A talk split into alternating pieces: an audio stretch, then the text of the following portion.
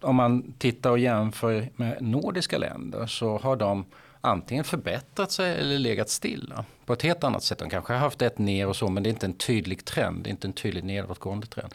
Och Sverige, och det är viktigt att jämföra sig med jämförbara länder. För att, ja, man brukar säga ja men Sverige ligger ju högt upp fortfarande. Ja, absolut. Vi ligger bland, bland de högsta i världen fortfarande men vi, ligger, vi är näst sämst i Norden.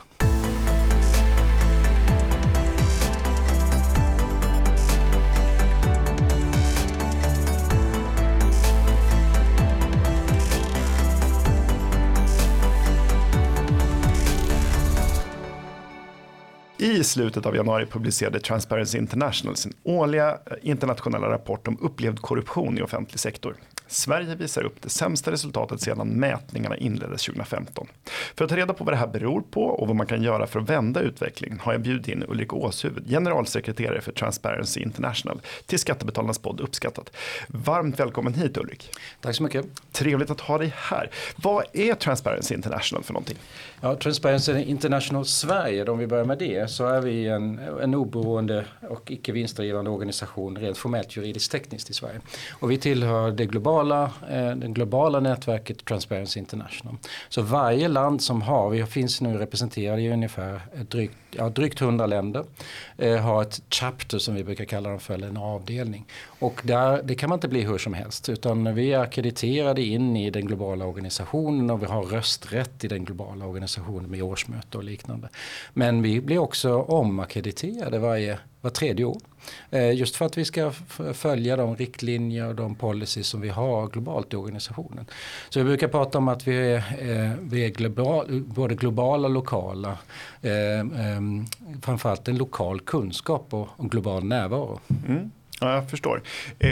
Finns det skäl att misstänka att, kanske inte så mycket i Sverige än, men finns det andra länder där, där man försöker påverka den här typen av organisationer för att vissa länder ska se bättre ut i allmänhetens ögon? Ja, generellt sett så är vi ju förskonade från att bli påverkade på det sättet i Sverige. Ska jag säga, även om vi måste vara vaksamma på det också. Men vi har ju, jag har ju kollegor som har väldigt svårt att verka överhuvudtaget i sina länder. Civilsamhällets utrymme, som vi brukar kalla det för, krymper i många länder. Ta Ryssland till exempel Eh, det var, eh, där fanns vi inte för fram till, för, ja, vi har funnits länge men vi fick flytta ut all personal därifrån mm. till ett annat land och de verkar nu i exil så att säga för att man riskerar både liv och annat i Ryssland att jobba med de här frågorna. Det finns liknande situationer i andra länder så vi vi är privilegierade på det sättet att vi kan diskutera öppet och det, bland annat idag är det ett exempel på det. Vi diskuterar mer öppet kring de här frågorna. Men eh, som du säger, man kan absolut, det finns en del som blir både arga och glada när det gäller korruptionsindexet när det kommer. Det beror ju på vilket håll det går. Och sen så att man försöker påverka det eller deskreditera det kanske eh, på något sätt. Det, det, är ganska vanligt. Det har vi inte riktigt, ja vi ser ju det här också ibland. Eh, man kan alltid synpunkter på sånt här index men jag känner mig väldigt trygg i eftersom vi jobbar, om man tittar på indexet som sådant så jobbar vi ju inte med att man stoppar upp fingret i luften och så ser vi var vinden blåser. Eh, det vore ju inte så bra. Eh, utan det här är ett långsiktigt arbete som har pågått sedan 2012. Eh, I den form som är nu, det vill säga mm. metoden är jämförbar sedan 2012. Som du nämnde inledningsvis så hade vi, eller i Sverige, den lägsta nivån och vi mäter då från 0 till 100. Mm. Eh, det enda landet idag som, är, som har över 90 eller som är på 90 i Danmark. Alla andra ligger under 80 också, hela mm. skalan ner då. Och Sverige har sjunkit sju steg sedan 2015 och det är därför som vi säger att dels är det en väldigt tydlig trend. Eh, vi i Sverige har, man använder sig av åtta olika källor i det här indexet som World Economic Forum, Världsbanken och liknande institut. Och, så det är återigen inte ett allmänt tyckande utan det bygger på experter, företagsledare och sånt i grund och botten. Och när man sammanväger åtta olika källor, ja då blir det ju det är ingenting som ändrar sig bara över natten. Nej. Utan det tar sin tid. Och trender då som det här, ja de kan man fastställa, säga att de är statistiskt eh, relevanta. Mm. Ja, jag förstår.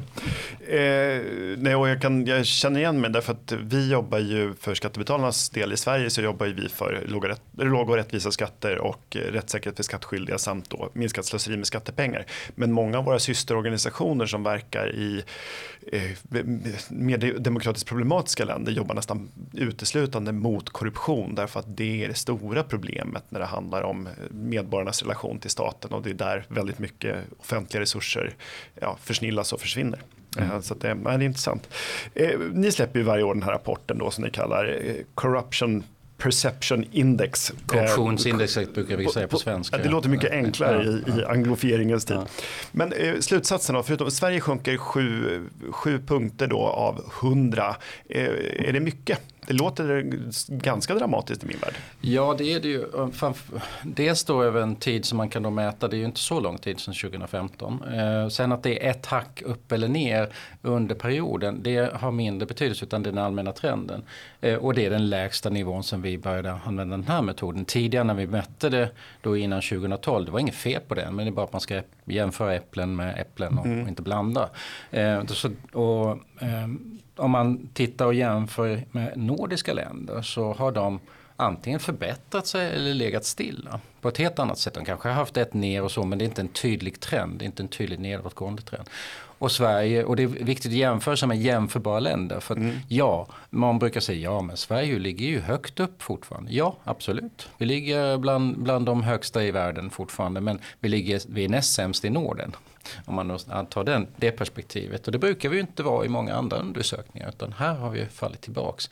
Det är Island då som är sämre. Men tittar man även på andra länder som inte haft samma negativa utveckling. Eh, så är det eh, tydligt att Sverige sticker ut där eh, med den negativa trenden. Och det var också oberoende av vad vår input i det här. Och det här görs ju inte av oss i Sverige utan det här görs ju samlat på vårt eh, sekretariat i Berlin. Just för att det ska vara oberoende och inte vi ska kunna påverka heller så att säga från de olika avdelningarna på något sätt.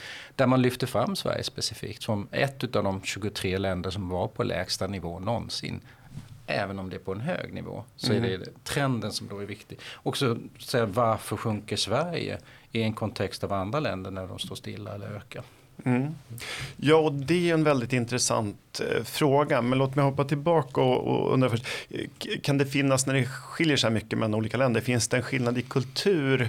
Kan det förklara att man uppfattar korruption olika allvarligt i olika länder? Alltså, ert index blir det väldigt specifikt för varje land och, och man ska mest jämföra sig med sig själv. Eller? Nej, jag skulle inte vilja säga det. Just för att vi jobbar med, totalt sett har vi 13 olika källor. Mm. Eh, och, vissa är inte relevanta kanske då för Sverige som Afrikanska utvecklingsbanken som har mm. ett visst index som man har. Och det är inte allmänna frågor utan det är specifika frågor kring korruption. Eh, eller korruptionsrelaterade problem som, som man då lyfter ut ur, mm. ur de här källorna. Och eh, tar in i indexet. Eh, så att jag, jag skulle inte säga att man kan eh, vart var och en är, är, inte, att man inte är jämförbar. Utan snarare tvärtom så kan man se tendenserna eh, och kunna jämföra för att vi använder eh, motsvarande källor över längre tid. Mm. Ja, intressant. Eh, du var inne på det att den enda som ligger efter oss i Norden är eh, Island. Eh, Danmark ligger stadigt kvar på 90 men Sverige har gått från 89 till 82. Men vad beror det här på? Vad kan ni se för orsaker till detta? Mm. Vi brukar det finns flera olika orsaker men om man ska gruppera det på något sätt så de riskområdena som vi har i Sverige som är de största eh, som vi har jobbat med över tid också som vi har påpekat över längre tid när vi såg den här trenden. Det ska man säga att det är inte något som kommer bara det här året. Då. Det är upphandling som sådant i den offentliga upphandling där vi har eh, utmaningar, det är stora risker det. Eh, kanske framförallt, då på, eller framförallt på kommunal och regional nivå där det sker eh, väldigt stora upphandlingar, eh, komplexa saker men en liten kommun kan inte alltid eh, har inte den expertisen alltid och riskerna finns där och det har vi ju sett i närtid. Vi har nu just nu ett nytt åtal som har väckts eh, kring eh, upphandling av säkerhetstjänster i, i en en, en Skånekommun. Mm. Det var väl Ystads kommun då, så det är ju känt. Eh, men det är ett exempel på hur det kan gå till när man, man blir för nära varandra helt plötsligt. Man ja. klarar inte att ha den där distansen till, till upphandling i sig själv. Eller man, man har, bygger kompisrelationer. Så det, det är ju ett väldigt stort upp, eh, riskområde. Vi är inte ensamma om att peka på det. Det är mycket pengar, mellan 8 till 900 miljarder kronor upphandlat, offentlig upphandling om året.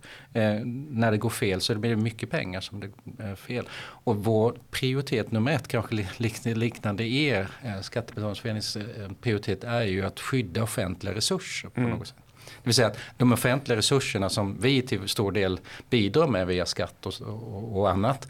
Eh, men framförallt skatt eh, går till rätt saker och går till, eh, till saker som vi har velat eh, köpa in. Eh, om man nu ser det i upphandlingstekniskt. För det är ju, vi ska återkomma till åtgärder och sånt sen. Men det är ju den här bristen på transparens i upphandlingsarbetet. Det är inte bara vi som pekar på det utan även internationella organisationer, alltså andra mm. organisationer mm. som jobbar med andra frågor. Ser samma sak. En annan sak som, som har förändrats över tid eh, utav de tre liksom, grupperingarna är problematik kring otillåten påverkan och infiltration av organiserad brottslighet. När jag första gången använde ordet infiltration så var jag väldigt osäker på kan jag säga det. Idag kan man ju säga det. Mm. Eh, men för ett år sedan så kände jag mig, hmm, har jag använt ett uttryck som kan misstolkas på något sätt? Men, men då hade vi ju redan sett tendenserna men man använder det. I debatten idag används det eh, mycket. Och vad är det då? Ja det handlar ju om helt enkelt att personer blir påverkade på ett eller annat sätt i beslutsfattande. Det kan vara så att man underlåter att fatta beslut för man känner sig nej, inte bekväm med det. Eh, om man har ren infiltration som, så kan man ju påverka beslutet på ett annat sätt. Eh, infiltration i rättsväsendet som vi har sett ett exempel på i närtid med, med någon som då läckte information från, från, från en tingsrätt. Det. Eh, det är ju väldigt allvarligt för i grunden när det gäller just den typen av korruption. För det handlar ju om att utnyttja sin ställning och det är vår ja. definition. Att man utnyttjar sin ställning för egen vinning eller någon annans vinning. Och det är ju ganska eh, brett begrepp. Men i det innefattar ibland ett antal olika eh, brott som man kan eh, använda sig av. Det är inte bara rena mutor. Eh, så det är ju en, en del. Det andra delen. Det tredje som vi brukar lyfta fram. Så varför Sverige då också har utmaningar specifikt är intressekonflikter, det vill säga att man är för nära varandra. Mm. Eh, och, vän, eh, och begreppet vänskapskorruption. Eh, man hjälper varandra, man förstår inte riktigt på vilka gränsdragningar man ska göra. Man sitter på olika stolar i, i olika sammanhang och företräder olika intressen och inser inte kanske att det finns en intressekonflikt där. Där tror jag vi, jag brukar säga så här, vi behöver träna på det. Mm. Vi behöver bli bättre på att kunna ta det där steget tillbaks och våga säga, men jag kanske inte ska vara med i det här om det handlar om ett beslut. Men det kanske till och med mer långtgående. Jag kanske inte kan sitta i den här styrelsen för nu har jag ett uppdrag som ja, det kolliderar lite grann med, med det här. Och för säkerhetens skull och för trovärdighetens skull för den här organisationen, styrelsen, bolaget, vad det nu måste vara. Så, så ska inte jag vara med här. Och då kommer du tillbaka till det här med upphandling. Där du liksom har påver- där, där du, när du känner folk och känner. Och det är ju svårt i en, en kommun eh, jag brukar ta exemplet på förmiddagen och det, det här är sant. Liksom, du har en upphandlingsexpert men de är experter på upphandling men inte på innehållet på vad man ska handla upp. Men på förmiddagen kanske man jobbar med en upphandling av mat i skolbespisningen. eller liknande. Och på eftermiddagen så, så ska man upphandla en bro. Ja. Det, är liksom, det är lite svårt att få till ja. det där. Och, och, vi ställer samma krav på många på kommunerna, de små kommunerna i princip. De måste ha alla funktioner. Det är klart att det, det, är omöjligt att ha råd att ha, de delar kanske tjänsten och gör någonting annat. Och det, redan där då har du ju en risk för att det blir smitta mellan ja. olika typer av verksamheter. Att ja, men jag känner någon och vi kan väl kontakta och sådär. Och många gånger kanske man gör det utan att riktigt förstå. Eh, precis, det, ja. lite av en aningslöshet. Jag, jag, ja, jag ska inte säga att man på något sätt är aning, men, men att man inte riktigt förstår, eller man försöker lösa ett problem ja. som man har. Och ja, men det är ju mitt ansvar, jag måste göra någonting och då ser inte hela vägen. Men sen tror jag också många gånger att man inte pratar om det här. Mm. Ja, ja, men lös det här på något sätt så blir det nog bra, men så får vi, får vi se, vi, vi får ordna med det där på något sätt. Och då är det ju redan fel på det. Ja, och jag har en, en bild av att vi i Sverige också har trott att korruption är någonting som händer i andra länder långt bort som fungerar lite sämre och det handlar om att jag kommer med en påse med pengar mm. och köper ett beslut av mm. dig. Men den här typen av vänskapskorruption är ju, tror jag, mycket vanligare. Eh, och, och nog så allvarlig ska jag säga. Men, men, men vi har varit, tror jag, lite blinda för den. Ja, det är väl vad vi brukar säga. Jag brukar ordet naiv eh, mm. vill ge gillar jag inte att använda för det i svenska ordbruk, ordbruket så har det blivit någon slags ursäkt helt plötsligt. Att ja. Man kan säga jag var, vi var naiva ja. och då är det okej. Okay. Eh, mm. Säger man det på, på engelska eller något annat så, så brukar det uppfattas ganska negativt. Så på något sätt, men det där är ju med ordlek. Eh, men man kan ju ta ett exempel i närtid som var väl idag till och med en diskussion om folktandvården om det var i Örebro. Där, där man har, precis där, det här handlar, ja, det handlar om ganska stora pengar i slutändan. Men det vill säga att man har gett fri tandvård till släktingar och närstående. Eh, det är ju en avsevärd summa som ja. man kan säkert spara pengar på. Så att säga. Och det är precis att man utnyttjar sin ställning. För är du tandläkare? Ja, jag skulle kunna. Eh, kan jag, ta, kan jag bedriva verksamhet utan att ta betalt? Ja, tydligen. Mm. Ja, ehm, och det blir ju på sikt och i stor skala ett, ett, ett eh, skapar ju ett, ett förtroendeglapp mot resten av befolkningen naturligtvis om man dessutom ja. känner till det här. Ja. Eh, alltså, det, det har ändå gått fort för Sverige att falla. Alltså, lagen om offentlig upphandling har rötter som går tillbaka till 90-talet. Och även om den eh, organiserade brottsligheten har eskalerat de senaste åren eh, och du nämner också vänskapskorruptionen. Men varför har det gått så här fort? Ja, det är frågan om, om alltså vi har ju, nu ska vi ta det i förhållande till vår mätning. Mm. Eh, så då kan man ju bara se tillbaka 2012. Men jag tror att det har varit en tendens över tid att vi inte har diskuterat de här frågorna heller. På det sättet. Och där kan man ju då säga, men påverkas indexet av det för vi diskuterar mer korruption? Då tror vi att det finns mer korruption. Nej, det, det skulle inte jag vilja säga eftersom indexet är, bygger på så många olika källor oberoende av varandra. Så det, det, tycker jag inte.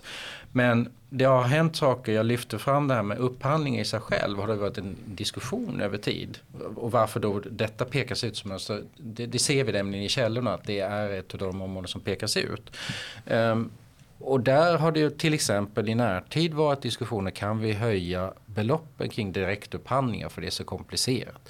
Eh, vi har haft under en längre tid en bristande transparens i systemet när det gäller offentliga upphandlingar. Vi, vi tycker att det är viktigt med transparens generellt. Så, så det skapar trovärdighet och, eller ger trovärdighet och skapar tillit. Liksom. Det, är, det är inget konstigt med det men det kan vara svårt nog ibland att få till det. Vi har en väldigt långtgående offentlighetsprincip så vi kan ju få mm. ut informationen och den ska vi värna om och det är vi ju världsunika på många sätt. Men, så men vi har fallit tillbaks lite grann i det här uppen, att det ska finnas tillgängligt direkt. Så ta då till exempel upphandlingar, ja då finns det olika aktörer. Men du kan ju inte slå på en kommun och få fram allt som har upphandlats. Mm. Det finns i andra länder. Den typen och det finns i många eller det finns i Finland som, är, som drivs en offentlig upphandlingsdatabas. Eh, det finns ett sådant system i Ukraina faktiskt som ja. är världsledande. de har utvecklat en bra mm, software för det här och det funkar bra. Sen har de ju sina uppenbara problem just nu. Så kanske eh, den data som kommer in kanske inte är så, så bra just nu. Men det har inte med saken utan de har skapat funktionen kring det och sett eh, behovet av det. Och där tror jag att det finns nu, märker vi en, en diskussion kring det här. Eh, var senast igår och pratade med, med civilministern, jag hade bra samtal med honom om den kommande nationella handlingsplanen. Där vi vi hoppas och tror att det kommer in eh, moment kring upphandling och stärkt upphandlingskontroll. Mm. Det är mm. en sak. Men också eh, eh, stärkt transparens eh, så att fler kan ta del av vad faktiskt som handlas upp. För i slutändan handlar det om, inte bara det, vad var beloppet och vem fick kontraktet som i sig själv kan innebära att det finns korruption inblandat i det. Utan också levererar man det som man sagt att man skulle leverera. Den här efterkontrollen, där tror jag att vi har, eh, det finns oceaner av mycket intressant data ja. man skulle kunna jobba med. Eh, och det görs ju det privata initiativ på det här just nu. Mm. Eh, Ormeo till exempel, jag träffade ja. Jens Nylander här mm. och, mm. och pratade med honom. Och, mm. och en svårighet att det är ju även i en liten kommun är så fruktansvärt mycket fakturer och mm. underlag. Mm. Eh, men han har ju då tränat AI-verktyg för att kunna hitta diskrepanser. Alltså det är väldigt många upphandlingar från en leverantör som handlar, hamnar under då tröskelvärdet Precis. för offentlig upphandling. är en sån här varningssignal. Eh, eller företag som då har halv, ganska små kontrakt med väldigt, väldigt många kommuner där de verkar slinka igenom mm. filtret. Mm. Mm. Så att det, där, det, det, är intressant att det är ett privat initiativ. Men en ja. central upphandlingsdatabas vore Ja, vi sånt... tycker att den ska, den, ska, den ska ägas och drivas av staten. Ja, det... men, att det kan, det, men all offentlig upphandling ska gå in i den, det vill säga både kommunal, regional och, och statlig då, upphandling ska in i den. Eh, och så det är framförallt resultaten, sen finns det ju upphandlingssekretess och allt det där, ja. det är självklart, men, men, det kan man sköta.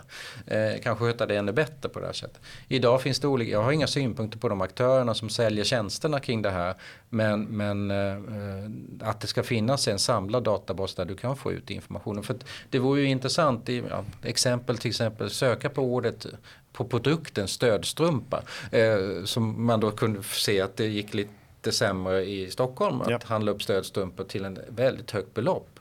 Medan i andra kanske det är en fraktion. Varför blir det så? Bara det är ju väldigt lätt. Det är också intressant för en upphandlare, upphandlare att titta. Nu söker jag sig, hur ser det ut här nu? Ja. Vad ligger beloppen på ungefär? Vad har man lyckats förhandla till? Ja, så har man ju en utgångspunkt i, även i, i, liksom i upphandlingsunderlaget. Ja. Så finns ingen anledning att gå över. Sen, sen är det ju inte det billigaste som är det bästa alltid. Nej. Eh, det är ju det som ibland också, vad man måste hitta den här avvägningen. Men det är ju upphandlingsunderlaget, det vill säga hur viktar man kvalitet ja. kontra pris och så. Och hur väl skriver man de underlagen? Ja. Eh, eh, nej, det är, en, det, är en, det är en eh, mycket, mycket bra poäng. Och hur fungerar det? Det finns ju eh, en upphandlingsmyndighet som ju Ardalan Shekarabi när han var minister här förra mandatperioden inrättade. Eh, hur fungerar den? Har, den? har den kommit med någon ordning till, till detta? Det tror jag säkert. Jag har inga direkta synpunkter på myndigheten som sådan. Men däremot så märker vi har varit med i samtal både med Konkurrensverket och Upphandlingsmyndigheten där vi har lik, liknande syn på det här. Mm. Det vill säga att man tycker inte att Sverige riktigt lever upp till EU-direktivet, EU-direktiven på det här området. Eh, det har de själv lyft fram och det kanske de själv får berätta om vad de tycker det. Men de håller med oss om att det behövs en, en samlad nationell databas. Ja. Eh, bara det är ju intressant att två myndigheter tycker detta. Eh, har också bett regeringen om, om stöd och hjälp i det här arbetet generellt. Att vi att behöver både mer resurser men framförallt, framförallt formella beslut kring förändringar i lagstiftning. Så att vi följer mm. EU-direktiven på det området. Men det är kanske inte det, vi, det som, som har så mycket med korruption att göra, säger någon då. Men Konkurrensverket hävdar ju att just upphandlingar, ett, ett, att en väl fungerande upphandling är en, ett, en form av vaccin mot korruption. Ja och lyfter det väldigt mycket i sina egna skrifter, rapporter och liknande. Eh, och driver den frågan också. Så att eh, båda de två myndigheterna är ju så att säga förebygga för korruption förutom sitt huvuduppdrag. Mm, det är ju eh, eh, väldigt, väldigt viktigt. Och vi har ju på en sån här en sån databas. Jag vet att eh, under alliansåren så skapade dåvarande biståndsministern Gunilla Carlsson eh, OpenAid där, man, där medborgarna då kunde se hur biståndspengar slussades till olika organisationer. Det finns, finns säkert mer att göra där i detaljnivå. Mm. Men så att det går ju att göra mm. även om det här handlar om, om mycket, mycket större summor. Ja, det handlar, ja, det, dels är det ett sätt men då gäller det åter att inputen fungerar. Ja. Eh, där det det, det, kan man titta tillbaka och göra en utvärdering på sannolikt. För det är svårt när det gäller mm. bistånd just det, eller utvecklingssamarbete. Eh, det finns stora utmaningar det och sen ska de också verka per definition i marknader som är komplexa som ja. vi brukar säga. Det är ju deras uppdrag att ja. vara där eh, och då risken är mycket högre. Så det finns andra utmaningar när det gäller utvecklingssamarbetet. Men när det gäller transparens som sådant eh, så har vi, vi ligger faktiskt efter trots att många kanske inte tänker på det men vi ligger efter i digitaliseringen när det gäller att aktivt publicera data. Eh, vi får ju kritik i Sverige för det från andra organisationer, OECD bland annat, som rankar Sverige ganska långt ner. Och då säger man, men hur kan det vara? Vi har ju en offentlighetsprincip. Och så, ja men det är inte samma sak. Nej. Utan att du har tillgång till information du kan begära få ut och det är allmänna handlingar och, och väldigt mycket som typ den, den här, eh, det privata initiativ som tankar ner en massa data från, från till slut så att säga från, från eh, fakturasystem och liknande. Det är en sak men mycket av det här kan ju publiceras aktivt ut. Eh, och då brukar vi prata om en transparensgaranti som vi vill att man ska införa. Eh, och den är ju inte, det är ett komplement till offentlighetsprincipen som är så att säga mer av digital karaktär. Eh, och den här transparensgarantin, ja det, det används ju lite grann i det här OpenAid i mm. utvecklingssamarbetet. Men det här går betydligt längre. Det vill säga att sätt en regel för varenda kommun. Det här är det som ska ligga ut tillgängligt. Ja. Om det är API, så att säga, data, eller ja. om det är publicerat i, i form av databas. Det har väl ingen större betydelse men du ska kunna söka på det och få fram det. Eh, och då kan du också få till den här eh, automatiska jämförelsen som, kan, som, han, som bidrar till transparens och, och tilliten i sig själv. Och det kan ju faktiskt också vara ett verktyg för den enskilda kommunen eller myndigheten att granska sin egen verksamhet. För det, jag har stor respekt för att det här är lurigt. Alltså jag tror att det är en, en, en eh, vad heter det, eh, förvaltningschef i en normal, svensk stor, eh, normal stor svensk kommun har naturligtvis hundratals fakturer varje vecka som han eller hon ska attestera. Och att i detalj gå igenom dem, det är nästan ett helt heltidsarbete. Mm. Så att man behöver säkert, och nu finns det ju möjligheter till digitala hjälpmedel som mm. skulle kunna underlätta detta. Men det tror jag just på kommuner, som det, jag tror att han har fokuserat också på, de här, på kommuner. Just det. Eftersom det är, där vi, det är där vi handlar mycket, det är, där, det är närmast medborgarna och det är där vi också, om ni som jobbar då med skatt, eh, det är där de flesta betalar skatt ja. i kommun. Och man förväntar sig då tjänster som är bra att komma tillbaks till en. Så. Och då, då är det väldigt viktigt att, att man har funktioner som jobbar med den här typen av kontroll. Och då kan man ju göra det på olika sätt. Antingen ställer man krav på det eller så är det självreglerande. Jag tror hittills den kommunala revisionen har vi synpunkter på som många andra. Den är inte riktigt, den, den, den skiljer sig från andra. Ja, den är i, jag ska inte lägga ord i din mun men jag kan ju säga vad vi tycker. Vi tycker att den är undermålig. Det är mm. klart att det, det är väl ungefär hur, så vi beskriver den också. Eh, sen har vi, det, pratar man med företrädare från SKR så håller de inte med om Nej. det givetvis. Men det tycker jag är lite dumt också att man inte kan föra, det behöver inte försvara någonting som har varit, det var på den tiden hade vi det på det sättet. Det är en kommunal, det är liksom politiskt styrd revision. Men om man, man kunde göra ett väldigt enkelt grepp. att helt enkelt utvidga eh, förordningen om intern styrning och kontroll. Som är, den, den täcker för det första att inte alla statliga myndigheter, vilket man kan ifrågasätta. Men det har väl lite med storlek att göra, men ändå. Eh, det är ju ett verktyg, flera av de eller så paragraferna i förordningen pratar ju om korruption. Mm. Förebygga korruption. Ja. Eh, men det är ju framförallt systematiken som finns där. För över den och ställ samma krav på kommuner och regioner det är inte någon lång lagstiftningsprocess för att göra det. Utan det är bara att copy-paste. Och ställ det krav. Då kan man säga att det blir ju dyrt. Ja, men det kanske blir billigt i slutändan. Jag tänkte säga vad, kost, vad mm. kostar det här idag? Ja. Och nej, men det, vi har flera förfärliga fall på, mm. på, på just den kommunala revisionen som är väldigt bristfällig och man mäter inte effekt av de beslut som tas utan egentligen bara att fullmäktige är nöjt. Eh, och det, det, verksamhet det inte, bedrivs. Ja, verksamhet bedrivs och det, det, är inte, det är inte fyllest. Och, och då kan man ju säga att medborgarna kan ju då utkräva ansvar vart fjärde år i val. Mm. Men riktigt så är det ju inte för ganska många partier sitter ju, har ju närmare relationer med varandra än vad de har med medborgarna nästan. Eh, så det där är ett problem. En annan fråga som Skattebetalarnas förening också har engagerat sig i är behovet av ett återinfört tjänstemannaansvar. Eh, och för den som inte är bekant med begreppet, vad är tjänstemannaansvar och vad, hur skulle man kunna förbättra hur läget är idag? Mm. Ja, men I grund och botten så vi tycker ju som ni att man bör säga, se över det. Vi pratar också om återinföra det som mm. fanns. Men det kanske, inte, det kanske inte är relevant. För det var ju vid en annan tidpunkt också när man gjorde om det här. Eh, I grund och botten finns det ju möjlighet att utkräva någon form av ansvar gentemot att man gör, begår fel. Eh, men om man vidgar det här begreppet så som statsanställd eller offentligt anställd, eh, ska vi säga, inte bara stat, eh, så har man ju också ett ansvar gentemot medborgarna att man ska bedriva, man ska ge en viss tjänst, man ska ha en viss kvalitet och liknande. Och uppfyller man inte det så kan man, så är det bra också att ha någonting att falla tillbaks på. Vad var det för ansvar som du har sagt att du ska ha i det här? Och, och var går gränsen? Bara att vi pratar om det gör det ju att, att man, jaha, det är kanske det här vi skulle göra. Jag har ju sett en förskjutning själv när jag jobbat i staten. Jag jobbade på departement i många år sedan, jag har varit ute i myndigheter. Och det här är ju ingen, ingen enskild persons fel utan det är en förskjutning i förståelsen av sitt uppdrag. Mm. Eh, det är generationsfråga bland annat. Eh, jag brukar säga att jag hade förvaltningslagen med mig någonstans i mitt blodomlopp när jag gick in i mitt, för jag, men jag är jurist så att säga. Så det. Men vi har många tjänstemän som har liksom rekryterats in snabbt.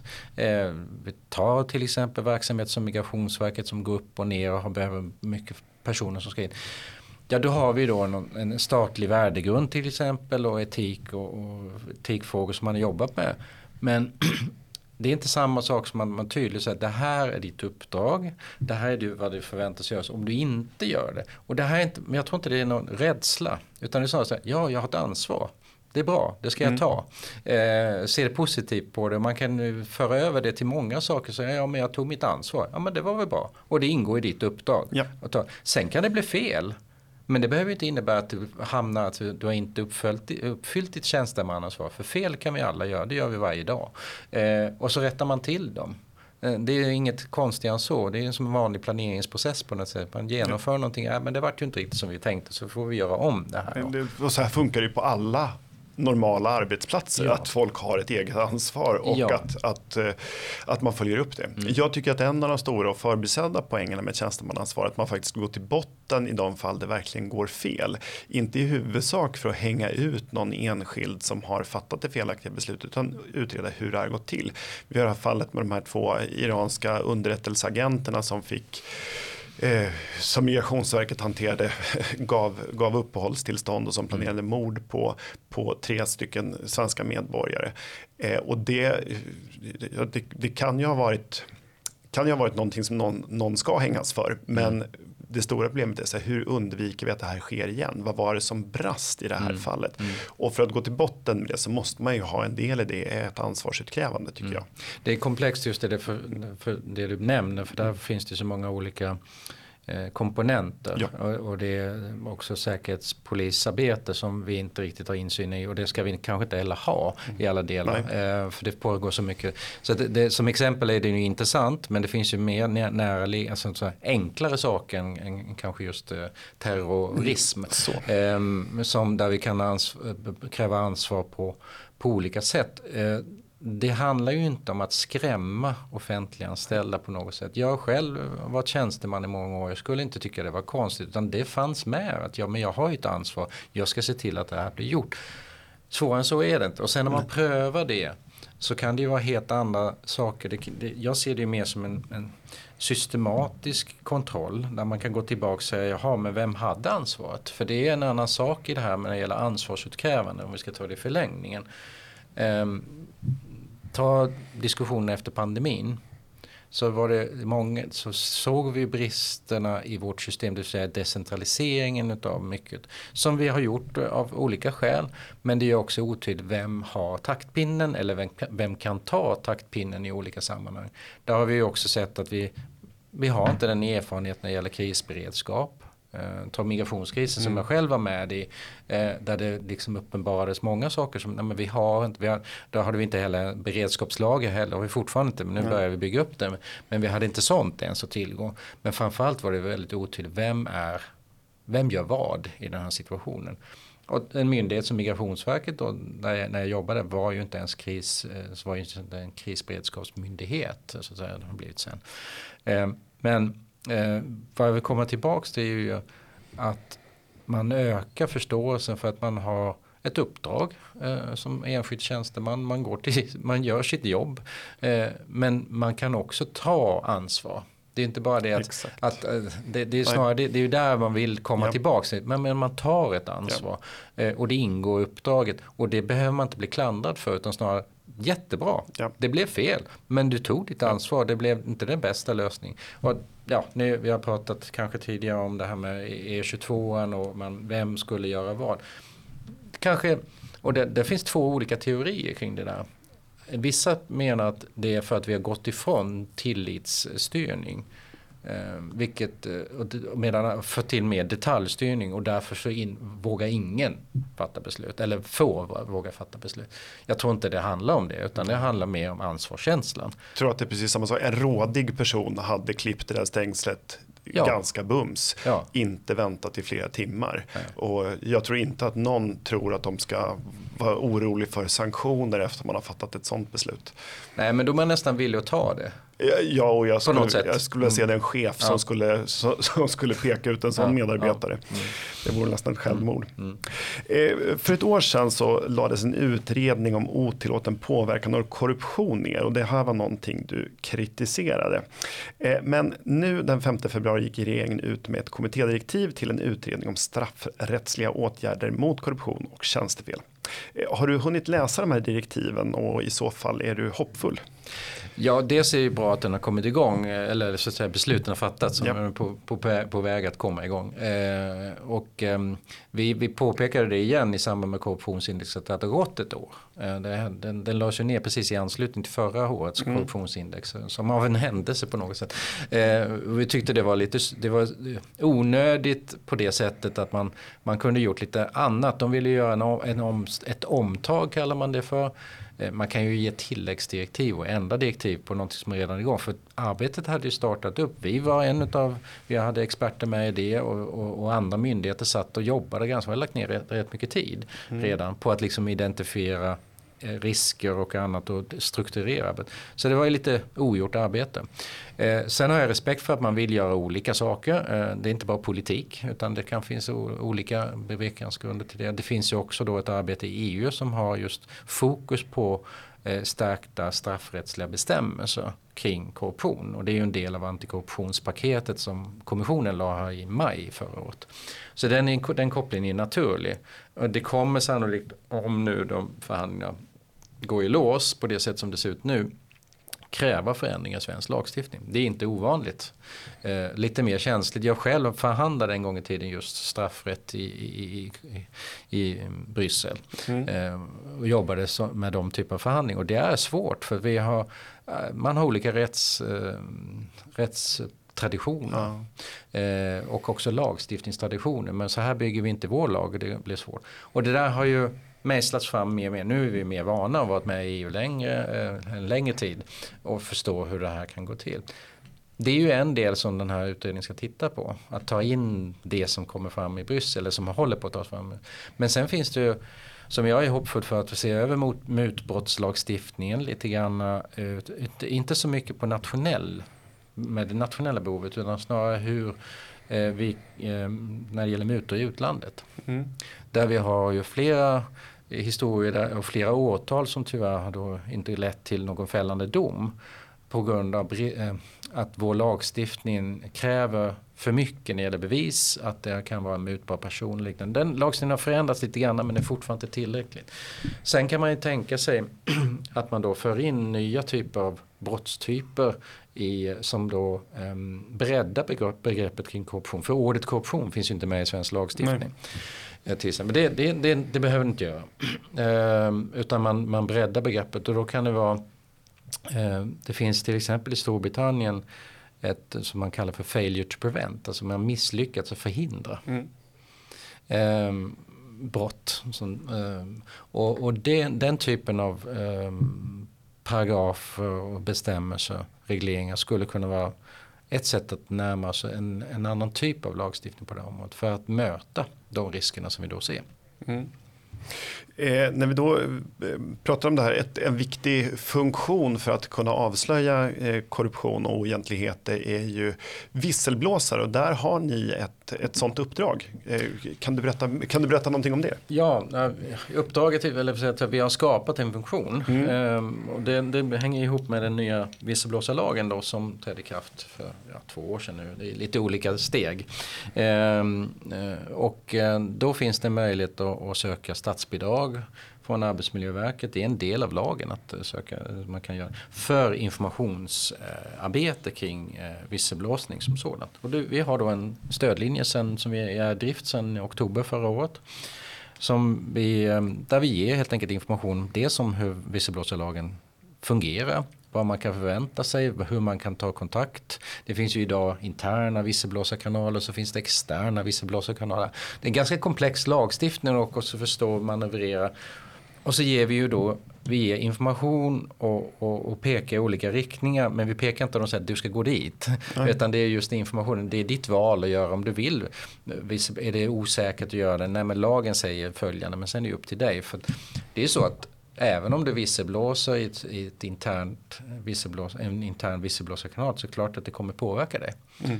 Och där ser vi väl många samtal som vi får personer som, som behöver stöd och diskutera. Det här var ett jobb. Vi har ju också ett pris som vi delar ut varje år. Som, eh, eller regelbundet ska jag säga. Det är inte alltid vi kan dela ut det. För det finns inte en årets visselpipa som vi då delar ut till någon som har, som, uh, har varit visselblåsare i olika sammanhang. Och när man pratar med dem och säger ja det hade varit jättebra om det fanns någon vi kunde prata med. För vi insåg inte, eller jag insåg inte vad jag gav mig in på riktigt förrän långt, långt senare. Och det var tufft. Och, och sådär. och där, där har vi ju exempel från, från sjukvården där vi har premierat. Macchiarini-fallet är ju ett av dem. Ja. Och som nu i närtid, nu, är det, nu, liksom, nu kablas det ut på många håll just den, den historien. Men det var ju det handlade ju just om att någon sa till och sa stopp. Men själv eh, blev utsatt för ganska stora saker i slutändan ja. och fick lämnas eller kunde inte jobba kvar. Det var ett högt pris. Väldigt högt pris. Ja, och det ska ju den nya lagen skydda. Ja. Man skyddar mot repressalier. Ja. Ehm, men i praktiken har vi inte sådana ärenden. Det har inte varit någonting enligt den nya lagen uppe i, i, i, rättsväs i ja. rättsväsendet. Ja, vi får se tiden an. Men tills, tills dess så kan man alltså vända sig till er för den här visselblåsarlinjen. Ni är välkomna och det finns telefonnummer eh, som man kan ringa till. Och det kan ni hitta på vår hemsida. Men vi har också ett säkert formulär Mm. Som man kan fylla i eh, helt anonymt och, och, då kan man kommunicera med oss anonymt via att man får koder och så. Så vi behöver inte, all, om man känner sig att nej men jag vill inte berätta vem jag är, jag vill ställa anonymt. Så har vi ett sånt eh, väldigt välutvecklat formulär faktiskt. Och sen kan man, vi har ju öppettider, man kan också beställa tid hos oss. Mm. Det vill säga, jag vill gärna ringa till er vid ett tillfälle och så bokar man in en tid. Så det, det är ju en annan typ av servicenivå. Verkligen, snyggt.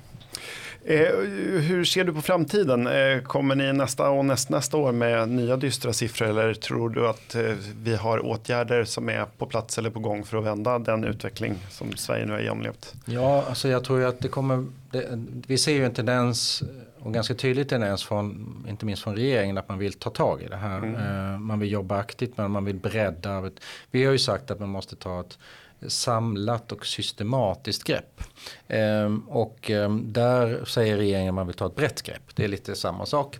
Eh, men vi har ju varit i dialog med dem över en längre tid nu och det är en skillnad från vad det var när den första handlingsplanen kom. För det har funnits en nationell handlingsplan mot korruption tidigare. Den innehöll inte så många åtgärder. Vi brukade säga att det var en handlingsplan utan handling. Ja. Och det, det, det står vi fast vid. Ja, det är alltid en risk med sånt. Ja. Mycket, mycket ord och eh, ja. lite konkret. Men, men mm. så vi ser dels en vilja Eh, politiskt men också på tjänstemannasidan. Eh, det är inte bara liksom drivet av politik utan mm. det finns fakta bakom eh, och det hoppas jag att politiken också har fakta men ibland så driver man ju vissa frågor mer än, än andra. Eh, och, det här, och sen har man i, i regeringskansliet sett det här bredare. Det är ju inte en en ministerfråga utan det är flera ministrar som eh, berörs av det här eller flera departement. Vi kommer i den här veckan att delta i ett rundabordssamtal tillsammans med många olika myndigheter kring eh, ett antal steg vad som ska ingå i handlingsplanen. Eh, så det är bra. Det är en, en, en, en, process där vi får möjlighet att både ha insyn men också vara med och eh, lämna förslag. Och, och eh, den är, det, det finns en högre delaktighet i den. Och det tror jag i längden vad det handlar om om vi nu ska se på att eh, siffrorna går upp eller ner. Så jag tror inte det där kommer ske någon förändring i, sådär på kort sikt. Eh, men det kan skapa förutsättningar för att de åtgärder som beslutas eller de förslag och den vision som ställs upp. För det är också en sak, vad är, vad, vad är det vi vill med handlingsplanen? För det är ett långsiktigt arbete. Det här är ju likadant som när det gäller organiserad brottslighet och infiltration. Det löses ju inte över ett år. Det löses mm. kanske inte över en mandatperiod heller för den delen. Men man måste ha en gemensam. Och då tror jag att just handlings, sådana här typer av handlingsplaner. Viktigt att de är väl förankrade över blockgränserna. Det är inte alltid att man lyckas med mm. det. Eh, men jag tror att här skulle man nog kunna göra det. Eh, och att, så att det finns, om det blir byte så att säga i, i, stafettbyte, i, stafetten. Eller så finns det en samsyn åtminstone här. Ja, mm. det tror jag nog att det gör. Sen kan man alltid skylla på varandra, varför mm. men det är den vanliga politiken. Så att säga. Och där tror jag att um, det finns flera åtgärder som vi ser som vi tror kommer komma in. Nu har det påbörjats en del som vi nämnde, de här utredningarna och sådär. Men, men det finns ju anledning att också inte bara lagstifta och, och liksom skapa högre straff och liknande utan jag jobbar också med det förebyggande. Mm. Och där tror jag att vi måste vara en ganska tydlig röst i det arbetet. Eh, dels för att inte inskränka transparensen för det är lätt också att nej, men vi, vi stänger igen lite här för det här blir inte så bra. Vi, eh, jag säger inte att man avskaffar offentlighetsprincipen mm. men det finns tendenser ibland att man sekretessbelägger mer så att säga, för att skapa möjlighet. Eh, men det finns andra varianter på det men framförallt att man kanske använder det man redan har. Vi har system idag som, som skulle kunna användas mycket mer effektivt. Eller man ställer krav på de myndigheterna att ni ska öka kvaliteten och kontrollen i de här eh, systemen ni har. Ta till exempel, exempel bolags, jag, säger, jag har ingen syn på Bolagsverket. Men Bolagsverket har bolagsregistret då, och så har de också verkligen, verkliga huvudmannaregistret där de själva säger nej men det, det vi bedömer att det är en ganska stor del som borde finnas i verkliga huvudmannen som inte finns där. Som inte har rapporterat in. Och varför då? Ja men följer ni inte upp det då? Ja, jo, men vi har inte riktigt resurserna för att mm. göra det. Jag tycker så här, resurserna det, det är en lite fel utgångspunkt för om man har skapat ett uppdrag att ha ett register. Då måste man väl också ansvara för kvaliteten i registret per definition. Det kan man tycka. Ja. Och då, då är det antingen fel resurssättningen internt. Eller så är det så att man måste gå tillbaka till, till uppdragsgivaren, regeringen i det här fallet, och säga vi behöver mer pengar för ja. vi ser att vi behöver göra mer kontroll. Det har ju Skatteverket gjort ja. i många sammanhang. Vi behöver bli bättre. De säger själva att vi har legat efter. Eh, men de jobbar ju också med den här typen av kontroller för att man matchar ihop. Här är en anomali ja. på något sätt. Eller, annan del i den här systematiken som vi kanske glömmer bort ibland det är ju att det finns väldigt enkelt att man frågar eh, regelbundet det tycker inte medborgarna. Ja, det är klart det får inte vara allt för mycket frågor. Men vi tycker inte det är så konstigt att en gång om året ska vi lämna in en deklaration. Eh, och så får vi påminnelse om det innan i god tid och ja. har du inte gjort det så lär du nog bli påmind ganska snabbt. Det, och det finns ett. Ja, och det finns ju, en, det finns ett, ett, litet vite på det där mm. också i slutändan. Det, det, vill man ju inte. Så de flesta känner sig trygga med det och Skatteverket är väl en av de mer en myndighet som, som medborgarna eh, har tillit till. Ja. Vilket är ju intressant utifrån att man tar eh, pengar, pengar ja, från, ja, från medborgarna. Men, men det är ju väldigt positivt. De har lyckats med i det uppdraget. Och där finns det fler som skulle kunna lära i det där systemet. Ta till exempel verklig huvudman. Jag själv har anledning att, liksom rapportera in det i, i bolagssammanhang eh, när man är delägare har det skett någon förändring? Hade jag tänker jag på det då om liksom säga, aktieägardelen det, ja. ändras på? Tänker jag aktivt på att jag ska lämna in nytt till verk, verklig huvudman? Nej, Nej, det gör jag inte. Nej. Utan där kan man ju liksom ha den här påminnelsen. Lika mycket som man får att ja, du måste nog köra in din bil på bilprovning nu. Mm. Ja, det får man ju väldigt många för det är avreglerat och alla ja. försöker sälja in sin, sin tjänst. Så att säga. Men det är en annan aspekt på ja. avreglering. Men att du blir påmind. Och där tror jag många saker i det här systematiska, mm. även på arbetsplatser. Yep. Att man pratar om de här frågorna, att det kanske blir en, en i utvecklingssamtalet, vi pratar om intressekonflikter. Det finns de som har det, men det finns de som inte har det som standard heller i statliga och offentliga myndigheter. Ställ alltid frågan, kan det vara så att du har någon bisyssla nu som du inte har? För det är ju ett ska-krav att du som offentlig anställd, apropå det här med ansvar eh, och tjänstemannaansvar, du har ett ska-krav på dig att du ska anmäla bisyssla. Oavsett vad det är för form. För att myndighet, eller myndigheten ska själv bedöma om den är förtroendeskadlig eller icke tillåten eller den är helt okej. Okay. Och i de flesta fall så är det helt okej okay att vara med i, om det är brukshundsklubben eller någon bilförening, vad det nu är för någonting. Men det finns också en hel del som går under radarn. Och det är ju klokt att man inte som enskild ska göra den bedömningen själv. Mm. Därför att det kan, kan, kan leda snett. Mm. Ja, men det är mycket, mycket intressant. Vi får hoppas dels då att det sker en ökad eh, diskussion på, eh, bland offentliganställda och inte minst från chefshåll där. Men också att regeringen tar det här på stort allvar och eh, inrättar eh, den här typen av register och öppnar tjänster då så att vi kan granska det här. Och så får jag hoppas att, att jag får se det här igen med gladare siffror eh, här framöver. Det vore, vore roligt för det här var, det, det, är lite ledsamt att se faktiskt. Ja, vi, vi, vi tycker väl det också på ett sätt. Vi, brukar, vi är ju en sån här organisation som ska kunna avskaffa sig själv. Ja, ja vi också. Ja. Men, men vi har inte lyckats med det så vi har ju misslyckats egentligen då på ett sätt kan man säga. Men vi, sätter, vi ser, jag tror att det är bra diskussionen, dialogen, bara det vi gör här idag, att prata om det, det märker vi att det finns ett större, mm, en större medvetenhet om att diskutera och det är en bra start.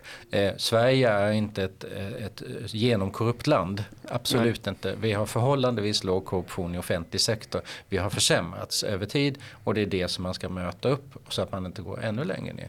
Det finns länder i vår närhet som, har, som det har gått mycket, mycket sämre för, som till exempel Storbritannien som har sjunkit mycket, mycket mycket mer över tid. Och de har genuina problem för de har tappat eh, i vissa funktioner och diskussioner. I de och det tror jag man möter upp nu här. Vi märker att ja, man vill. En viktig varningsklocka där helt ja, enkelt. Precis. Ja, mycket bra. Eh, stort tack för att du kom hit Ulrik och stort tack för ert viktiga arbete. Eh, och att du medverkade här i Uppskattat. Det är en podcast från Skattebetalarnas förening. Vi arbetar för låga och rättvisa skatter, rättssäkerhet för skattskyldiga och minskat slöseri med skattepengar. Vi bildar opinion och folkbildar i skattefrågan och vi lever som vi lär och tar bara emot frivilliga bidrag. Uppskattar du podden kan du gärna ge oss ett högt betyg i en app och vill du medverka till att Sverige blir ett land med minskat slöseri och rimligare skatter så stödjer du oss enklast genom att bli medlem. Läs mer och bli medlem på www.skattebetalarna.se bli medlem. Till nästa vecka, ha det så bra.